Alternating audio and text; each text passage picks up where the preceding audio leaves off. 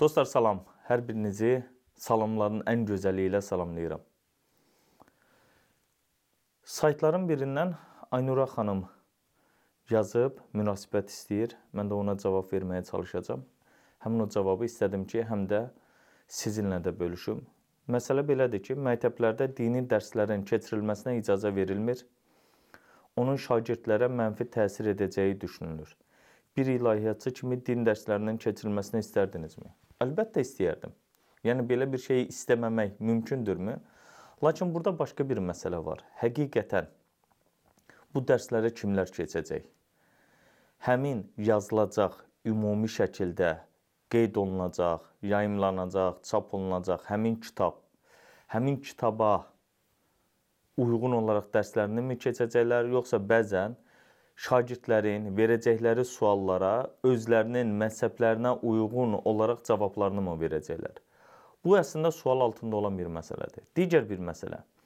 Deyək ki, bu günlərim həqiqətən mövcud olan məktəblərimizdə hər bir məktəbə bir müəllim təyin edilsə belə, buna uyğun olaraq bizim faktiki olaraq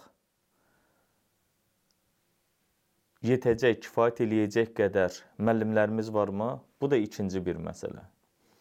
Üçüncü bir məsələ də ondan ibarətdir ki, bu günlərim həqiqətən Azərbaycan İlahiyyat İnstitutu fəaliyyət göstərir, amma sabahlarım həmin İlahiyyat İnstitutunun bitirənlərin özləri o deməkdirmi ki, bunlar bəli artıq kamil, yetkin ilahiyyatçı olaraq insanlara düzgün bilgi verəcəklər. Bunun özü də sual altında olan bir məsələdir.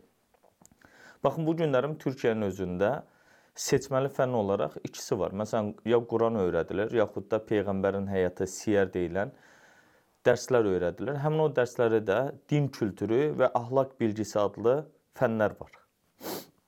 Oradakı müəllimlər tədris eləyirlər. Bu müəllimlər də təbii ki, ilahiyyatı bitirən insanlar olduğuna görə onların bu məsələdə etdikləri, dedikləri müzakirə olunan bir məsələdir.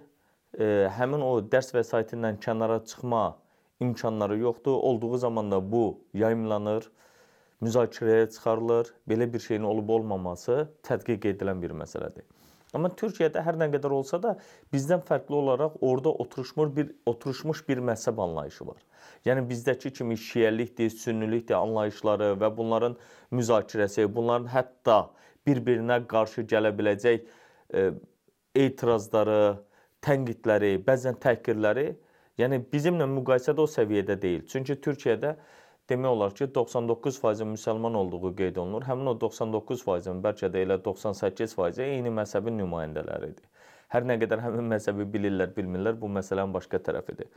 Ona görə də bəli mən tərəfdarıyam, belə dərslər keçirilsin, e, ümid eləyirəm. Amma bundan əvvəl bu məsələlər müzakirəyə çıxarılmalıdır. Teleməkanda belə bir dərslər, fən olacaqsa, məsələn, həmin orada kimlər iştirak eləməlidir? Bu günlərin bilirsiniz ki, həyat bilgisi adlı dərs vəsaiti var. Həmin həyat bilgisində müəyyən dinlərlə bağlı məlumatlar verilir. Mən illər öncə o həyat bilgisi ilk dəfə ortaya çıxanda çox tənqidi bir yazı yazmışdım. Həmin vaxtda saytlar yox idi, qəzetlər idi. Və bu müzakirə e, nəticəsində hətta elə oldu ki, bir dəfə həmin dövrdə təhsil naziri olan Misir Mərdanovla bir məktəbdə görüşdük və bu iradlarımı orada da qeyd eləmişdim. Təbii ki, bu iradlar müsbət qarşılandı və sonrakı mərhələlərdə müəyyən qədər düzəlişlər edildi.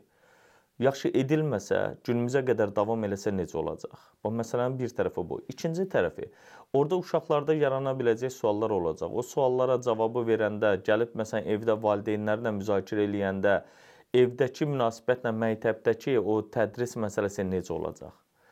Sonra hər bir məsələni müzakirə eləyə biləcəklərmi?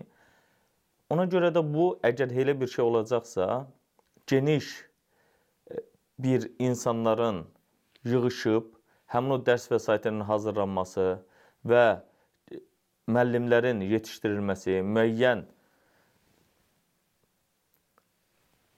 müəyyən formada bunların bir araya gətirilib fikirlərin müzakirəsinin nəticəsində bir dərs vəsaiti çıxarılmalıdır. Amma bunu da deyir ki, təbii ki, bizdə verəcəklər dini komitə. Təsəvvür edin, dini komitə özü mənim kitabımı qadağan eləmiş bir qurumdur.